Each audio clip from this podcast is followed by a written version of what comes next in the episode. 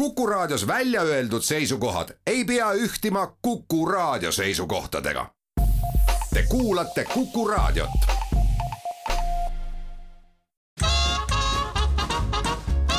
jäljed gloobusel tervist, kena aprillikuu jätku kõikidele Jäljed gloobusel kuulajatele. Väino Laisaar ja Andres Karu tervitavad teid juba neljakümne teist korda. Suur tere ka minu poolt. mis meil siis täna plaanis on, meil on plaanis tulla tagasi reaalsusesse, kes, kes juhtusid nädal tagasi kuulama saadet Türkmenistanis, kus Väints väga värvikalt rääkis sellest, mis ta seal riigis tegi, mis ta seal nägi ja milliseid etendusi talle mängiti, siis minu reaalsustaju lõi see natukene paigast ära, sest mina ei ole sellises näitemängu ühiskonnas kunagi käinud, kus nagu hullu näitemängu minu jaoks tehakse. kui vähegi võimalus, kuulake järgi eelmise nädala saadet Türkmenistanist, aga täna me räägime natuke reaalsemast riigist, see on Kesk-Ameerikas ja nimeks on tal Guatemala ja tegemist sellise toreda riigiga, kui eelmine kord Türkmenistanis olime suures osas ikkagi sellises kõrbes, on ju, Karakumi kõrbes, siis nüüd oleme troopilises tsoonis, mis tähendab seda, et kaardi peale vaadates on see ikkagi maast laeni roheline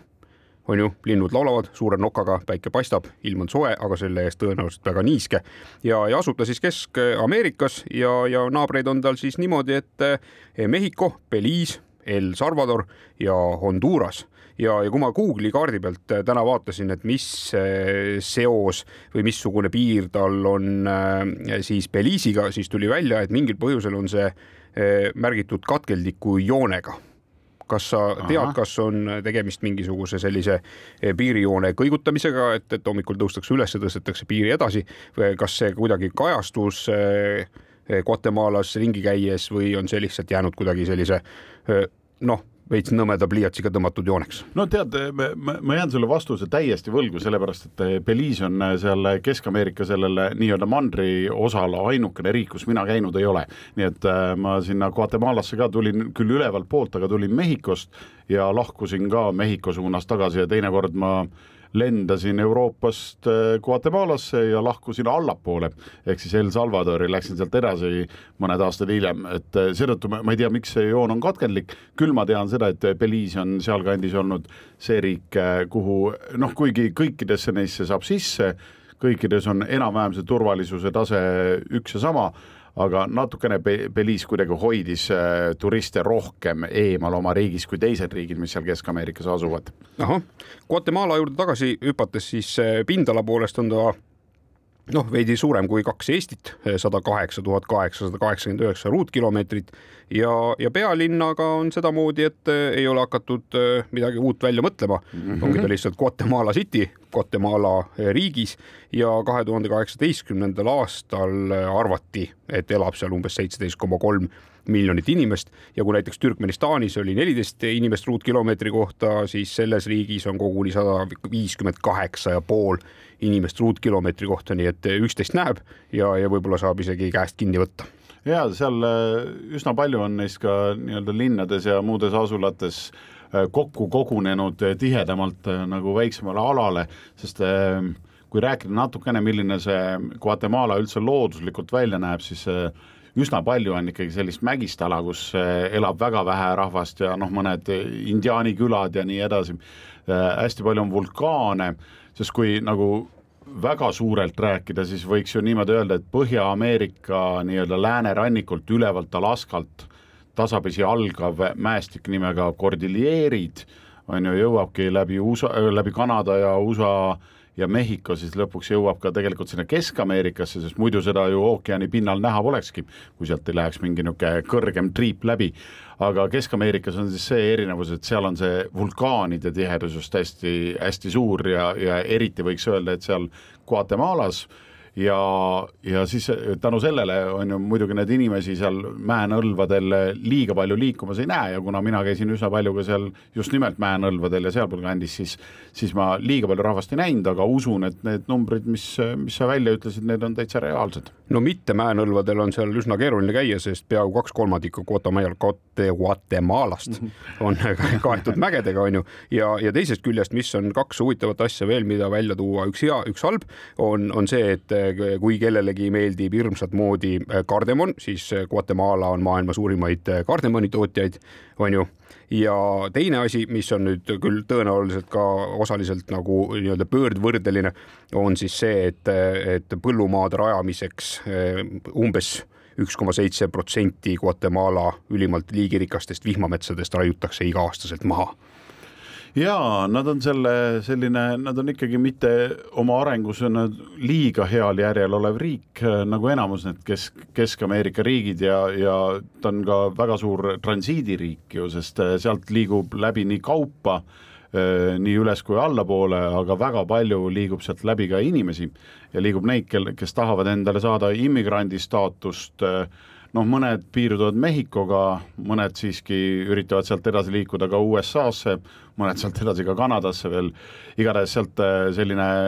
illegaalne piiriületus on nagu üks firmamärk, mis kindlasti käib Guatemala ja ja Mehhiko piiri äh, suunas. no sest ta on täpselt nagu kork seal ees, et kui sa altpoolt tuled no, Lõuna-Ameerikast või siis ka sealt nendest äh, Kesk-Ameerika alumistest riikidest, siis igal juhul pead sa Guatemalasse sattuma. ja, ja ma pean ütlema, et kui, kui ma siis aastal kaks tuhat üksteist olin ära käinud Mehhiko kõrgemas tipus ja liikusin siis eh, mõnusalt sujuvalt alla Guatemala suunas, et ehk jõuan ka Guatemala kõrgema tipu Tahu, Tahumulco, mis on nelja tuhande kahesaja kahekümne meetri kõrgune tipus ära käia siis äh, selliseid äh, kontrollpunkte ja neid tõepoolest äh, Guatemala piirile lähenedes oli aina rohkem ja rohkem. muidugi, kui bussi peale, bussidega sõitsin sinnapoole, kui bussi peale tulid järgmised relvastatud härrasmehed, siis, siis noh, minusse nad väga ikka ei süvenenud, et põhiliselt neil ikkagi huvi pakkusid sellised nooremapoolsed mehed kõik, kes ümberringi olid ja kes ilmselgelt nägid välja nagu nad oleksid pärit Ladina-Ameerikast. ja siis need neile hästi huvi pakkusid, neid nad kontrollisid ja kui sul ei olnud ikkagi mingit tõendit anda, kuhu sa lähed, mis sa teed ja adekvaatseid vastuseid ei olnud, siis sind paluti ka bussist välja tulla ja uuriti asja lähemalt. aga üldine olukord oli seal vist suhteliselt rahulik, on ju, et see piirkond ise ja, ja ka riik ise ei ole ju elanud pikka aega väga suures rahus, erinevate diktatuuride ja, ja kodusõdade küüsis on ta vaevelnud ja noh, praegu on ikkagi nagu suhteliselt rahuaeg, aga kõik ju ka narkokaubandus käib noh, sealtkaudu samamoodi nagu inimkaubandus. ehk siis noh, ütleme niimoodi, et ma lähenesin Guatemalale ja esimesel korral, kui ma läksin ja ainult Mehhikos ja Guatemalas käisin ja ka teisel korral kolm aastat hiljem, kahe tuhande neljateistkümnendal, kui ma Guatemalast alustasin ja liikusin allapoole nii-öelda lõuna suunas läbi kõikide Kesk-Ameerika riikide, ehk siis El Salvador, Honduras, Nicaragua, Costa Rica ja Panama, et mõlemal reisil ma liiga palju ei süvenenud sellesse, et mis ohud seal võivad peituda. ma, ma vaatasin ära mõned piirkonnad, kuhu nina ei tasu toppida ja õnneks mitte ükski neist ei kattunud ka äh, nende kõrgemate tippude aladega, nii et ma sain üsna nagu sellisel turvalisel alal seigelda. küll aga nagu, mis mul selle nii Guatemala kui kõikide naaberriikide puhul nagu meelde tuleb, on see, et kogu aeg naabritest nagu räägitakse, et need on ikka kõige hullemad et nii oli see, et kui Mehhikost ma kahe tuhande üheteistkümnendal Guatemala poole veeresin, siis kõik mehhiklased, kes, kellega jut, juttu tegin nii-öelda ja küsisid, kus sa lähed, siis Guatemalasse lähen. päriselt või täitsa hull oled või et seal noh, ei no see vaevalt, et ellu jääd ja see, nad on ikka hullud, on ju siis noh, lähed sinna üle piiri, kõik on rõõmsad, kõik on tore, on ju, ja noh, kui kaks tuhat neliteist ma sealt edasi El Salvadori poole samamoodi bussiga liikusin, siis eh, noh, mis jutt pihta hakkas, El Salvadori või? Meil on vanglad kõik El Salvadori tüüpe ainult täis on ju, et siin Guatemala inimesi polegi, et ära sinna küll mine, on ju, et mine, mine kuhugi mujale. noh, Costa Rica, see on okei okay,, aga noh, et ära, ära varem peatu, on ju, parem kui võimalik lenda, on ju umbes. aga tegelikult äh, minul kõik piiriületus äh, niisugused toimingud ja need läksid väga sujuvalt, kui ma Mehhikost Guatemalasse jõudsin. see piiripunkt oli küll selline, ma mäletan, et nii palju nagu igasuguseid sahkerdajaid, rahavahetajaid, kerjuseid, noh, niisugust nii-öelda tüütut kontingenti oli üsna palju, et seda, seda ma mäletan mõlemal poolel, aga samas nad aitasid ikka mõnel hetkel välja, sest noh näiteks oli selleks, et väljuda Mehhikost, oli tarvis mingi väljumismaks maksta, on ju. ja kui sul oli tol hetkel mitte kohalikku raha, siis sul oli võimalik vähemalt nende tüüpidega kohe ära vahetada see. ja samamoodi, kui Guatemalasse sisenesin, siis tuli välja, et mingi kümme quetzales oli vist selle rahaühiku nimi hääldusega, ma võin eksida natukene, et kümme quetzalest, et see, seda, seda on vaja nagu maksta siin nüüd sisenemismaksu ja selle Quetzalese, mis see kurss oli, ta oli umbes niimoodi, et et ma tean, et kakskümmend viis, kakskümmend viis Quetzalest oli niisugune kaks pool, nojah, see tähendab, et umbes kümme Quetzalest oli üks, üks dollar või natuke vähem, mingi seitse pool või kuskil seal oli mingi see suhe, et seitse pool Quetzalest said ühe dollari eest ja siis äh, vahetasid mõnusalt, need said oma kümme quetzalest ilusasti ära anda piiri peal ja siis äh, tere tulemast riiki. Äh, mis sealt, mis sealt edasi nagu läks edasi, minu suund oli väga selge, ma hakkasin minema kõrgema tipu suunas. kuidas see täpsemalt toimus, sellest saan teile juba edasi rääkida peale väikest pausi. jäljed gloobusel tere tulemast tagasi, hea Kuku kuulaja. Karu ja Vänts on stuudios ja jätkame jälgede tegemist sellisesse toredasse Kesk-Ameerika riiki nagu Guatemala, on ju. aga enne kui me nüüd läheme siit juttudega edasi, olgu eh, maailma aususe mõttes öeldud, et Guatemalasse on jõudnud ainult karu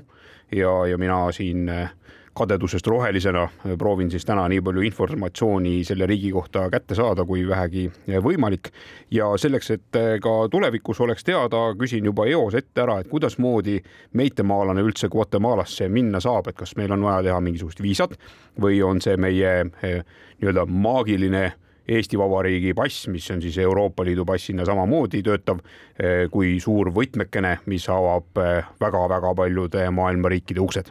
Õnneks see nii on, täpselt nagu sa lõpus ütlesid, et meie pass avab ju nii Põhja-Ameerikas kui Lõuna-Ameerikas kõikide riikide uksed ja, ja Kesk-Ameerika kuulub sinna alla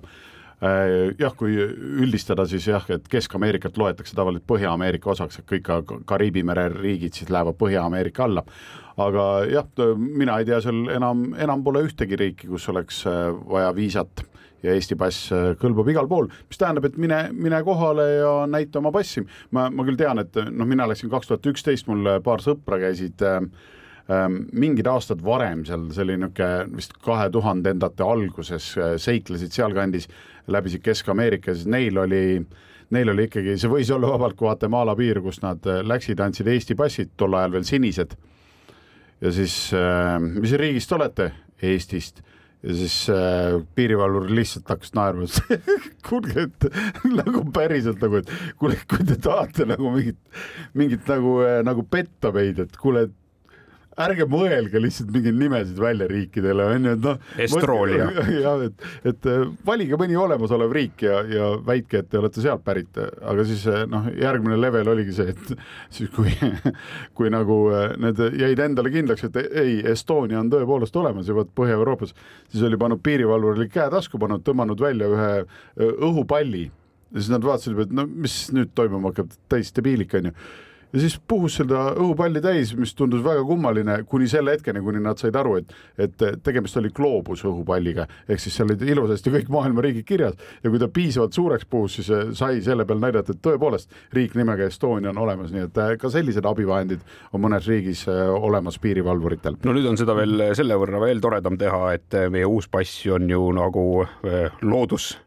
õpetuse vihik, igasugused loomad ja muud toredad elukad on seal sees. ja, ja väga ilus on ja, ja pilte on ka rohkem kui kunagi varem, nii et saate ennast näha nagu väga erineva nurga alt. nii et põhimõtteliselt on nii, et lähed piiri peale, koputad, vehid passiga ja oledki, oledki kohe teretulnud, et, et mingisuguse, noh, kindlasti vaata paljudesse riikidesse, eriti just võib-olla sellisesse troopilistesse piirkondadesse minnes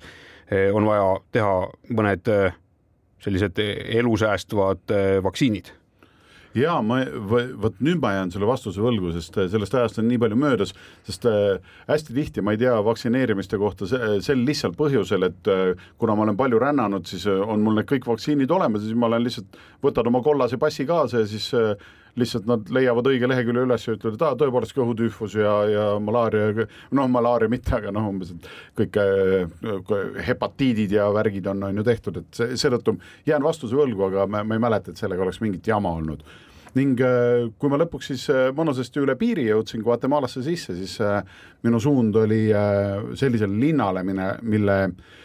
mille nimi on äh, San Marcos, sest ma teadsin, et see on natukene suurem linn äh, mägede vahel, vulkaanide vahel, kus kandis on siis ka Tahumulco ehk siis ähm, Guatemala kõrgem tipp. ja kui ma sinna nagu äh, su suuna võtsin, siis, siis piirilinnas ma kõigepealt sain istuda umbes tund aega, sain istuda mingi seina ääres, oli niisugune poolõhtune aeg siis ma jälgisin natukene seda, et millised masinad seal liiguvad ja siis ma, siis ma sain natukene ühistranspordist teada, et ühistranspordiga on neil niimoodi, et et linnas ja linna lähedal on äh, kaht, äh, kahte sorti masinaid. kõigepealt linnas ja linna lähedal sõidavad äh, džiibid, kastikad millel on siis eh, niisugused raamid on pandud, et kui sa kastis püsti seisad, siis nagu õlgade kõrguselt sa saad nagu käsi sinna peale toetada ja sealt kinni hoida mõnusasti. et sellised kastikad veavad inimesi hästi palju, siis päris ainult linnas sees liiguvad sellised kolmerattalised eh, nii-öelda noh, motikas eh, taksod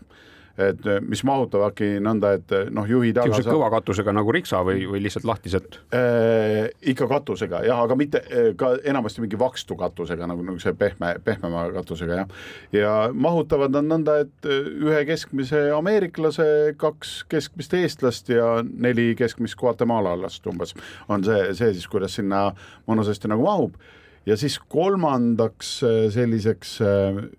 noh, nii-öelda ühistranspordi osaks on siis tõesti niisugused linnadevahelised äh, ja need on siis, need on siis kunagised USA koolilaste bussid, mis siis Äh, peaaegu sada protsenti, ma arvan, on neist siis äh, Fordi kaubamärki kandvad Bluebirdid. niisugused, teate, et see no mis on nagu äh, USA koolilaste bussina nagu sa mõtled uju... seda klassikalist kollast? ja, ja nagu need kollased on ju, see ninaga buss on ju ja niisugune ümarate katuseservadega ja vot täpselt sellised lihtsalt vanemad mudelid, siis et kunagi ühel hetkel, kui USA-s tunti, et ei, et need bussid peab välja vahetama, sest nad on lastele eluohtlikud ahah, lihtsalt siia vahele ja. üks selline äh, äh, tore, ent täiesti kasutu fakt on see, et need vanad koolibussid, äh, nende raamid ehitati raudtee äh, et tegemist oleks võimalikult sellise tugeva konstruktsiooniga, et siis lapsi liikluse käigus kuidagi ohtu ei seataks. jah, aga sellele vaatamata USA-s ühel hetkel avastati, et ei, nad ei ole siiski eriti lapsesõbralikud ja nii ohtlike asjadega ei tohiks me, meie järgmised põlvkonnad sõita ja siis muidugi USA-le omaselt eh, tehti nagu sellega lahke sest, et kui on väga ohtlik ja võib surma saada, siis kingime need Guatemalale. Guatemalalased ütlesid, et suur aitäh teile ja ei hakanud nendega sõidutama mitte lapsi, vaid hakkasid sõidutama kõiki inimesi, kes tahavad linnas äh, punktist A punkti B saada või linnade vahel ühest linnast äh, teise linna saada. ja noh, mis nende busside juures on, seal ei ole mitte midagi muudetud, seal on see noh, ainult väljast värvitud ja sisekujundus natukene, sest äh, nad armastavad nagu äh, oma bussidele nimesid anda, üldiselt ka autodele suured rekkad kannavad tihti mingeid nimesid, et noh, et La ja siis on seal mingi nimi jälle äh, jah äh, Äh, kuidas see oli, oota äh, Mariposa näiteks on ju, et liblikas on ju minu auto nimi või Tortuga, La Tortuga on ju, et mul on kilpkonn, et aeglane, aga tugev ja niisugune, et liigub järjest edasi, et kõik need nimed on äh, seal ilusti peal ja samamoodi bussidel, et kulda, karda, erinevaid tulesid, seda kõike on seal, et tuunimisega tegeletakse nagu igapäevaselt ja värvid on hästi rõõmsad, millega nad oma busse on kaunistanud, aga seest on jäänud selles mõttes samaks, et äh, istmevahe on ikkagi nõnda, et isegi niisuguse meeter seitsmekümne seitsmese eestlase, nagu mina olen, äh, jalad sinna vahele ära ei mahu, on ju, et ja kõik, kes su ümber istuvad, noh, nad ongi lühemate jalgadega, nad on üldse üleni ju lühemad, et siis äh, keskmise kasvu poolest, et nemad enam-vähem suruvad ennast sinna ära, aga ma, ma ei kujuta ette, kui sinna peaks mõni nagu selline nagu, nagu päriselt nagu pikk eestlane või ma ei tea, hollandlane minema, et noh, kuhu nemad oma jalad peaksid panema, noh, terve rea peavad endale põhimõtteliselt võtma. mul on äh, samasugune kogemus Kuubast, kui see buss, millega me seal äh, mööda Kuubat ringi sõitsime, oli, oli sedavõrd pisike, et äh, aken hakkas kuskilt õlast allpoole, jalad niikuinii ära ei mahtunud istmete vahele ja, ja kuna ma nii kõrgel istusin, siis ainuke väljavaatamise koht oli esiaknast läbi bussi ja, ja, ja ka see oli nii madalal, et tegelikult nägin ainult teetriipe, nii et, et see nii-öelda transiit läbi Kuuba möödus siis neid teetriipe jälgides. nojah, ja siis kui, kui ma olin tunnikese seal seal nii-öelda jälginud kohalikku, kohalikku nagu skeenet, et millised need ühistranspordi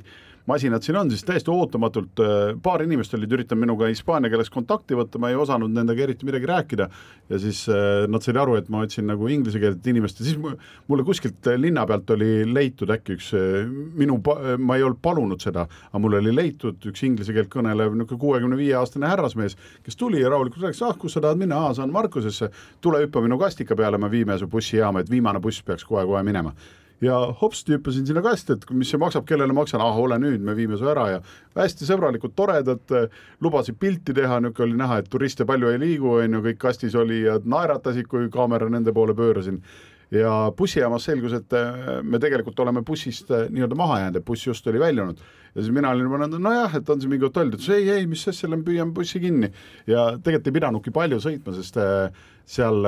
Kesk-Ameerikas on hästi levinud see, et ega enne ei hakata pikemat otsa tegema, kui buss on ikkagi rahvast võimalikult täis, et see nii-öelda kasumitegur oleks võimalikult suur, mis tähendab, et hästi aeglaselt sõidetakse, kogu aeg hüüab see reisisaatja, karjub, on ju, sihtkohta kutsub kõiki ja seal käib tohutu business käib ka, mis selle bussi liikumisega nagu kaasas käib, kõik asjad toimetatakse sellega ära, nii et me, me saime noh, nii-öelda paar kilomeetrit, umbes mingi kahekümne minuti jooksul oligi see buss liikunud umbes jalakäija tempos, nii et niisugune paarkümmend, paar kilo, paar kilomeetrit oli äh, eemale liikunud bussijaamast. aga suure bussi peale saad siis minna bussijaamast, aga need, mis linna vahel liiguvad, need äh, veokad ja, ja kolmerattalised äh, veidrikud, nende peale saad siis lihtsalt käega vehkides? ja just absoluutselt, et nad alati on valmis sind peale võtma, aga teekonnast edasi kõrgema tipu suunas räägime peale väikest pausi jäljed gloobusel. tere tagasi, oleme oma jälgedega sellises põnevas liigis nagu eh, Guatemala eh, tegelikult täpsustusena olgu öeldud, et karujäljed on seal, sest mina paraku sinna riiki veel jõudnud pole. aga enne kui ma lasen sind eh, nüüd sinna mäe otsa lahti, eh, tahaks ikkagi eh, uurida paari asja kohta. üks on see, et kui sa juba ennist mainisid, et keeleliselt oli seal keeruline, kuni sulle siis otsiti üks selline inglise keelt kõnelev abimees, siis piirkond ise on ju vana selline iidne eh, maiade tsivilisatsiooni keskus, on ju, ja, ja, ja kui see juba niikuinii oli maast ja laeni kogu see piirkond täis eh, erinevaid indiaanlasi, siis on seal kindlasti ka väga lai eh, keele rääkimise spekter, on ju neid keeli, mida seal räägitakse. et, et kas nii-öelda tavalise inimesena, kui sa lihtsalt astud lennukist maha või tuled üle piiri, see keelega hakkama saamine, lingvistilised võimalused on sul hästi ära kägistatud või, või siis saad kuidagimoodi hakkama? ei, tegelikult saab hakkama, sest sest eh, noh, õnneks on ka inglise keel ja hispaania keel, mida seal siis eh, valdavalt eh, nagu noh, kunagi noh, riigikeel on ta endiselt, on ju, hispaania keel neil kõikides riikides praktiliselt vist seal, võin eksida mõne üksikuga, aga enamikes on ikkagi hispaania keel ka kas üks riigikeeltest või riigikeel, siis hispaania keelega saab hakkama ja noh, hispaania keel tegelikult, kui see inglise keel mingi põhi on, hakkab päris kiiresti külge ka, et neid sõnu tekib järjest juurde ja sellele üks asi, mis juurde annab lihtsust eh, hispaania keelele, on siis see, et kui sa kui sa nagu äh,, nad kasutavad tihti asja nimetamiseks konkreetselt nagu üks-ühele seda, mida see asi tähendab, et kui on nagu roheline maja, siis see on Casa Verde on ju, et mis ongi tõlkes roheline maja ja, ja tihti nad panevad, kui on sul rohelises majas hotell, siis nad panevad selle hotelli nimeks Casa Verde. juba eemalt näed, et oled õige maja poole teel, on ju, et kui sa vähegi nagu keelt jagad. et selles mõttes on nad selle lihtsustanud ja päris hätta ei jää ja nagu sa aru saad, nad on ka vastutulelikud ja ilma palveta juba otsivad sulle ka inglise keelt kõneleva eh, ühe kolmest mehest üles, kes nagu linnas inglise keelt umbes räägib. siis küsin eh, arhitektuuri kohta, on ju, eh, nii-öelda see majade ajalugu eeldab justkui seda või loob silme ette sellise pildi, et kõik kohad on neid vanu templeid täis, kõrguvad seal üle palmide. ja, ja teisest küljest siis on ju see koloniaalarhitektuur, et millised see, millised need majad tänapäeval välja näevad või, või millise eelduse ja ootusega võiks sinna minna? no seal ikkagi, kui piir tõmmata, siis ongi linnad, on nad väiksed või suured hästi suures osas koloni-, koloniaalarhitektuur, ehk siis seal, sealhulgas ka hästi palju kirikuid, on üsna usule, usule truud inimesed ja, ja see, mis neile kunagi seal toodi sajandeid tagasi, nad on see, järg, järgivad seda katoliiklust valdavalt siis. ja siis on neil hästi palju jah, kirikuid, aga kui lähed nagu jälle linnadest välja, et maakohtadesse, siis on see ikkagi, et ehitan maja käepärastest vahenditest tihti. barakkarhitektuur just, barakkarhitektuur ja, ja see, samas see kuidagi nagu toimib ja, ja nad tegelikult meistritena on niisugused päris, päris head, aga on ka selliseid indiaanlaste nagu niisuguseid, mida võib ikkagi nimetada nagu hüttideks, on ju, ja sul on ikkagi mingi äh, puu, puulehed on katust äh, nii-öelda, äh, katuseks on puulehed ja, ja seda edasi. nii et väga jah, laialt joon vahel, et linnades valdavalt koloniaalarhitektuur ja väljaspool siis selline barakkarhitektuur no minule väga sellised kliiniliselt puhtad kohad väga ei, ei meeldi. kuidasmoodi on Guatemala looduse ja puhtusega lood? loodusega on super hästi lood, sest see on tõesti kõik, mida nad ei ole maha raiunud, näiteks nende metsade osas, et see, see on super ilus ja, ja lisaks on nagu see, et kuna ta on nii ekvaatorile ikkagi nagu lähemal, siis erinevalt näiteks Alpides siin Euroopas, kus sul ma ei tea, äh, puude piir äh, lõpeb seal kuskil, ma ei tea, kahe kilomeetri kõrgusel või ära, et seal kõrgemal enam ei kasva, siis äh, Guatemalas kasvavad suured männid veel ka nelja kilomeetri kõrgusel. Ja kui kõrgem tipp on neli tuhat kakssada, siis see tähendab ju, et peaaegu Äh, noh, et üks tipp jääbki sellest välja ja tegevvulkaanid jäävad välja, sest noh, seal nõlvedel on lihtsalt kõik need söestunud ja ära põlenud, need männid. nii et on äh, tohutult ilus, allpool natukene äh, nii-öelda troopilisemad äh, taimed, ülevalpool noh, nagu aru saitegi, männid ja kõik muu, sest seal üleval on ka jahedam ja siis äh, enam-vähem kasvavad sama, sama, sarnased asjad nagu meil siin äh, Eestimaa pealgi. aga teine pool, et äh, kuidas seal looduse sees siis muud asjad on, no no praht ikka seal, kus tekib, sinna ta jääb, paraku on Guatemala nende riikide hulgas, kus noh, sa igal sammul näed ja mõtled, et miks see nii on, miks nad oma imeilusa riigiga niimoodi teevad, miks nad viskavad kõik maha. ja aga noh, nii on nad seal nagu pikka aega elanud ja, ja ära harjunud, nii et see ümberveenmine, et kuidagi teistmoodi võiks seda teha, see, see nõuab lihtsalt, lihtsalt nõuab aega ja midagi ei ole teha, mõned generatsioonid peavad jõudma enne surnuaiale, kui, kui see hakkab äh, siis Guatemala lastele näiteks ka kohale jõudma. jah, mis siin salata, sest tegelikult ega kui sul riik keerleb erinevates kodusõdades ja diktatuuride all, siis äh, võib-olla korra hoidmine ei ole esimene mõte, on ju, mis, millega tegeleda, aga, aga mida rahulikumalt ja pikemalt saab elada, seda seda nii-öelda rohelisemaks muutuvad võib-olla ka vaated. ja, ja kusjuures ühe näitena ongi siis see, et seesama bussisõit, et kui ma, kui ma veeresin äh, siis äh, San Marcose linna poole see oli päris, päris pull nagu ma ei tea, see pilet maksiski, et ma, ma sain vist tund aega järjest äh, sõita või oli see isegi pikem aeg ja umbes see pilet maksis mingi kaks koma neli eurot või noh, mingi noh, täiesti olematu summa eest, sa saad päris pikalt sõita ja siis oli see buss veel lisaks kõigele oli täis erinevat meelelahutust, sest äh, nii kui, nii kui rattad liikuma hakkasid linnast väljapoole, et enam neid pidevaid pause ei tehtud, siis äh, kohe ilmus bussi etteotsa üks kitarriga noormees, no niisugune tätoveeritud ja kihvt vend on ju, tõmbas seal noh, kõik, et C-tuuri asemel tõmbas G-tuuri, aga noh, vahet polnud, on ju. et äh, ja laulis mõned laulud, siis tegi rõõmsalt mütsiga väikse ringi bussi peal, kõik, kes vähegi said, panid sinna natukene raha ja siis ta hüppas enam-vähem sõidu pealt hüppas maha ja läks tõenäoliselt teisest suunast nagu tulevat bussi püüdma. et seal niisugune, niisugune tore mees on ju.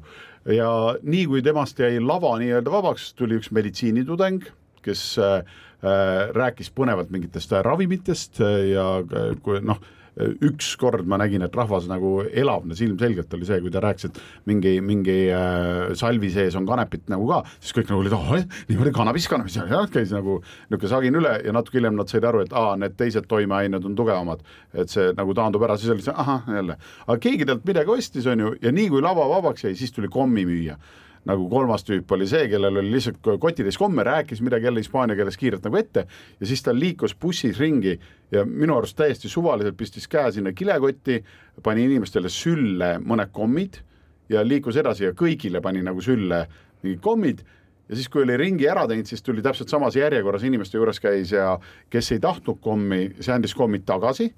ja kes tahtis nagu kommid või osa neist endale jätta, see siis andis talle mingit raha selle eest kuidas ta nagu arvet pidas või kas ta jäi miinusesse või plussi, õrna aimu ei ole, aga igatahes nagu mõned, enamus komme sai tagasi, aga oli näha, et ka talle anti raha. Ja siis, siis kandus nagu vahepeal kandus nagu see entertainment nagu ja see meelelahutus üle minu kõrvalpingile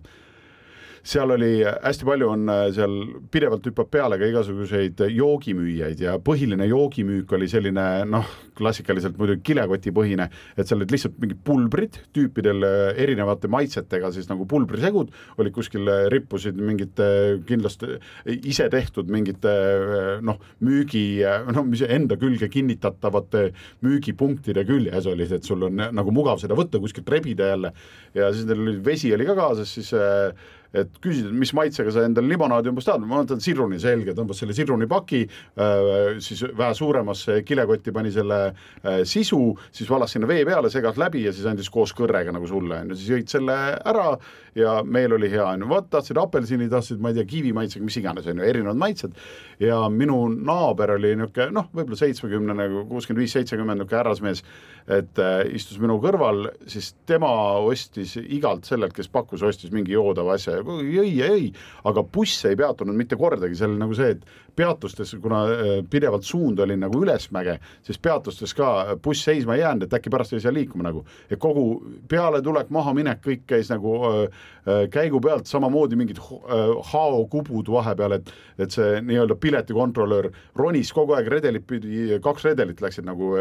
küljepealse ukse kõrvalt läks katusele, katuseraami peale ja bussi tagantotsas, kus on tagumine väljapääs. nii et ta kogu aeg sõidu ajal liikus kuskil katusel, pani midagi, ta teadis täpselt, kust tuli anda mingi Äh, mingi kast kellelegi ära, kui palju raha, kes oli ette maksnud, ma ei tea, kuidas tal see logistika peas oli, igatahes ta sai sellega kõige suurepäraselt hakkama. Ja kuna, aga kuna ühtegi peatust ei olnud, siis see minu kõrval olev mees lihtsalt mingil hetkel keeras kergelt külje nagu minu poole nagu tagumikku. Ja siis oli näha, et äh, lasi ühe äh,, mis enne oli olnud siis seda jooki täis, selle koti siis mõnusasti äh, pissis täis, siis keeras sellele sõlme peale ja siis muidugi täiesti suvaliselt viskas aknast välja. noh, täpselt seesama, et äh, kuidas Guatemalas prügi tekib ja kus ta tekib, tekib seal, kus nagu vajadus selle, noh, kus prügi tekib, sinna ta ka jääb. ja seda ta tegi mingi neli korda vähemalt äh, ja ma kogu aeg palvetasin, et ta jumala eest täpne vend oleks, et ta kotist mööda ei laseks, sest kuna nina oli ülespoole ja minu, äh, tema istme taga põrandal oli minu suur seljakott, nii et kui tal mööda oleks läinud, siis oleks minu kott saanud ikkagi väga, väga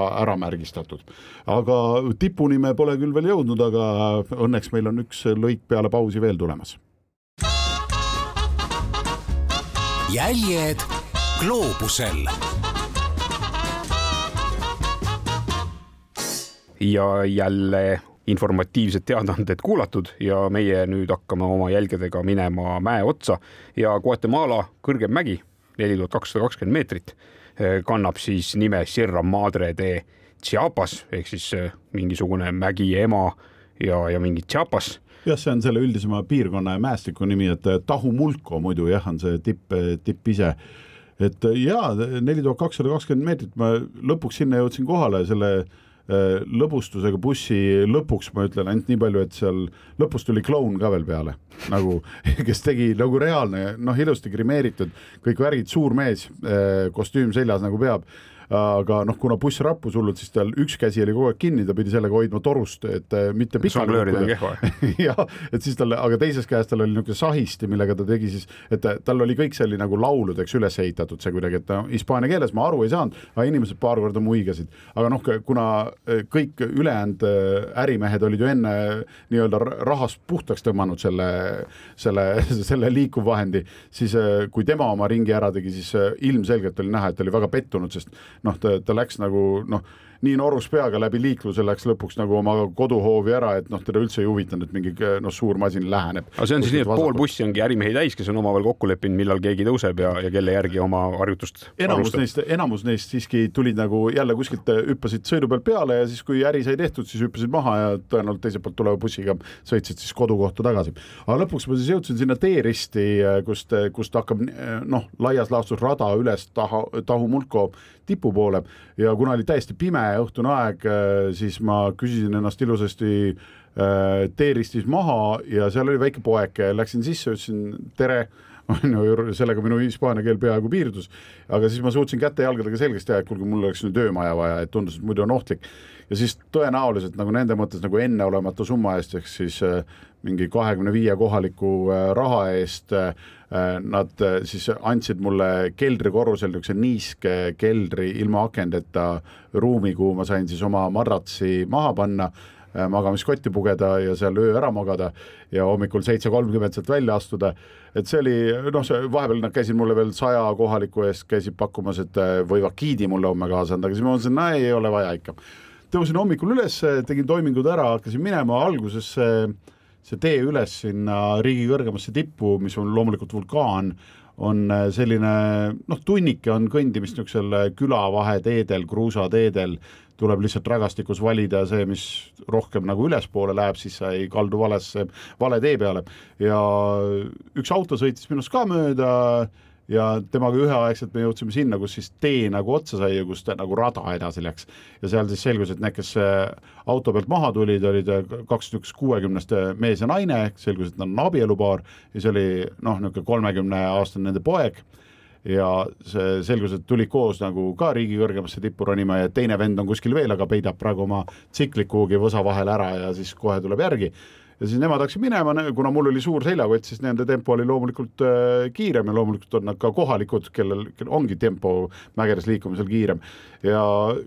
nemad ees, mina järel kõndisin, äh, vaatasin mõtlikult seda prohti vaatasin looduse ilu, mida ülespoole läksid ja äh, seda rohkem hakkasid nägema neid